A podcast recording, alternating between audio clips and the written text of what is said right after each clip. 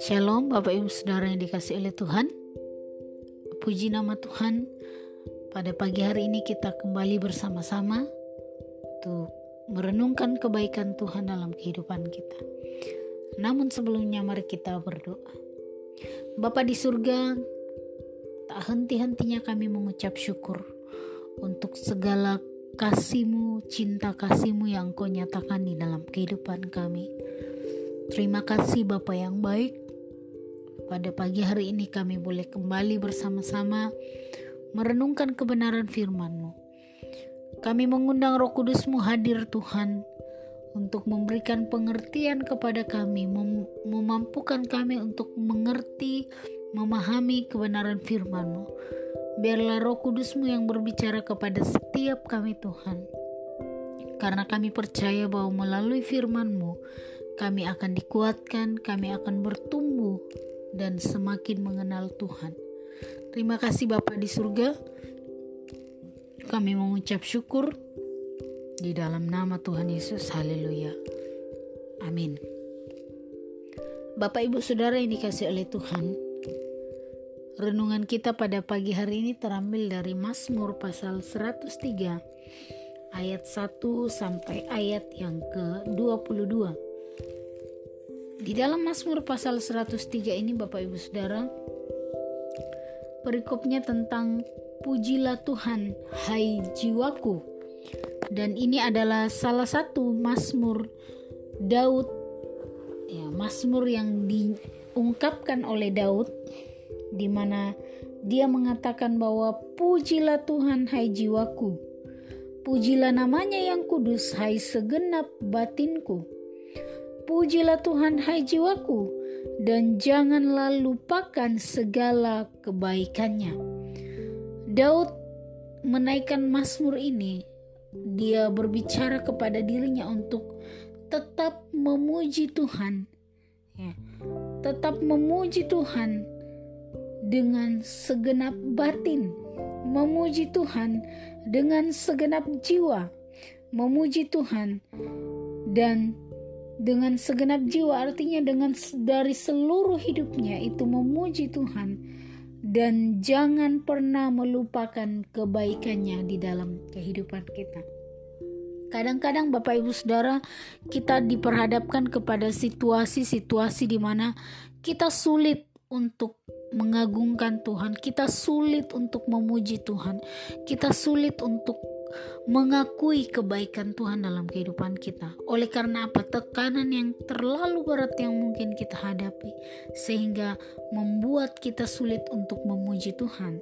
Tetapi kembali Mazmur 103 ini mengingatkan kita untuk jangan melupakan segala kebaikan Tuhan. Karena apa Bapak Ibu Saudara di dalam ayat yang ketiga dia yang mengampuni segala kesalahanmu yang menyembuhkan segala penyakitmu. Dia yang menebus hidupmu dari lubang kubur, yang mem memakotai engkau dengan kasih setia dan rahmat. Dia atau Allah yang memuaskan hasratmu dengan kebaikan, sehingga masa mudamu menjadi baru seperti burung raja wali. Tuhan menjalankan keadilan dan hukum bagi segala orang yang diperas ia telah memperkenalkan jalan-jalannya kepada Musa, perbuatan-perbuatannya kepada orang Israel. Tuhan adalah penyayang dan pengasih, panjang sabar dan berlimpah kasih setia. Tidak selalu ia menuntut dan tidak untuk selama-lamanya ia mendendam tidak dilakukannya kepada kita setimpal dengan dosa kita dan tidak dibalasnya kepada kita setimpal dengan kesalahan kita.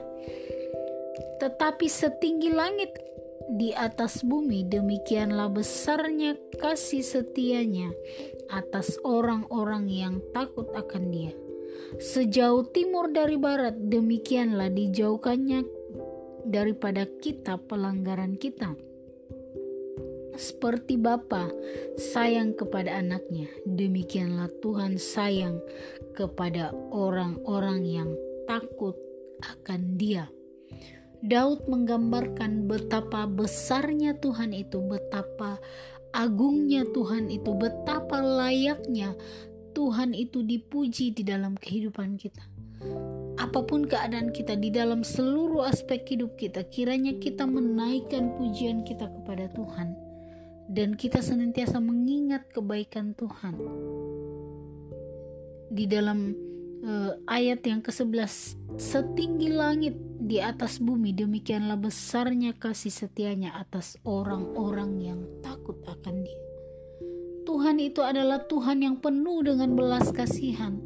Tuhan yang senantiasa menjaga kita, Tuhan yang senantiasa mengampuni kehidupan kita.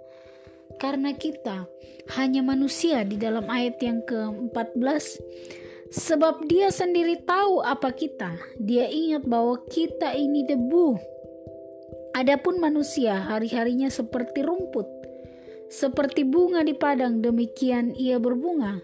Apabila angin melintasinya, maka tidak ada lagi ia. Bapak, ibu, saudara yang dikasih oleh Tuhan, dari sini kembali mengingatkan kita bahwa kita sebagai manusia ini adalah manusia yang terbatas. Kita bukan siapa-siapa tanpa Tuhan. Kalau tidak kalau bukan karena Tuhan, kita tidak akan pernah menjadi siapa-siapa. Kita hanya debu.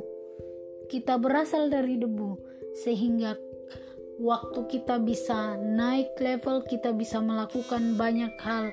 Tuhan itu semua karena campur tangan Tuhan, karena Tuhan yang berkarya melalui kehidupan kita. Jadi kita Melalui hal ini kita kembali diingatkan untuk tidak ada tempat bagi kita untuk menyombongkan diri dan mengatakan bahwa oh ini karena saya. Ini karena kekuatan saya, ini karena kehebatan saya.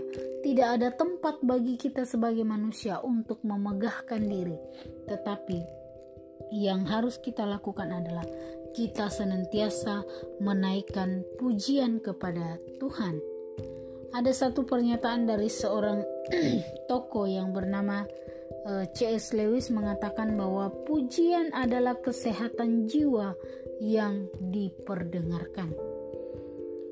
Pujilah Tuhan hai jiwaku, pujilah namanya yang kudus. Nah di dalam Mazmur pasal 103 ini Bapak Ibu Saudara diawali dengan pujilah Tuhan hai jiwaku dan di dalam uh, ayat yang terakhir ya dari ayat 20 sampai 22 pasal ini ditutup dengan kata pujilah Tuhan hanya Tuhan yang layak kita puji. Hanya Tuhan yang layak kita sembah di dalam kehidupan kita. Karena apa? Karena Tuhanlah yang empunya segalanya di dalam kehidupan kita. Tuhan yang menegakkan tahtanya di surga dan kerajaannya berkuasa atas segala sesuatu. Ayat 20 Pujilah Tuhan hai malaikat-malaikatnya Hai pahlawan-pahlawan perkasa Yang melaksanakan firman dengan mendengarkan suara firmannya Pujilah Tuhan hai segala tentaranya Hai pejabat-pejabatnya Yang melakukan kehendaknya Pujilah Tuhan hai segala buatannya di segala tempat kekuasaannya. Pujilah Tuhan, hai jiwaku. Mazmur Daud kembali mengingatkan kita untuk senantiasa memuji Tuhan di dalam kehidupan kita. Hal tersulit yang sering kali kita alami sebagai manusia adalah menaikkan pujian. Oleh karena apa? Ketika kesulitan datang, biasanya kita akan melakukan dua hal. Yang pertama, kita akan merasa tidak berdaya, kita akan pasrah, menyerah, dan mengatakan, "Ya, mungkin inilah nasib saya." Memang beginilah keadaannya. Ataukah kita akan bangkit ya dan mencari jalan keluar untuk mengatasinya? Kita tidak akan menyerah tetapi kita akan maju karena apa? Karena kita tahu bahwa Tuhan yang kita sembah adalah Allah yang memiliki kasih. Dia adalah Allah yang panjang sabar. Dikatakan dalam ayat 13 seperti Bapa sayang kepada anak-anaknya.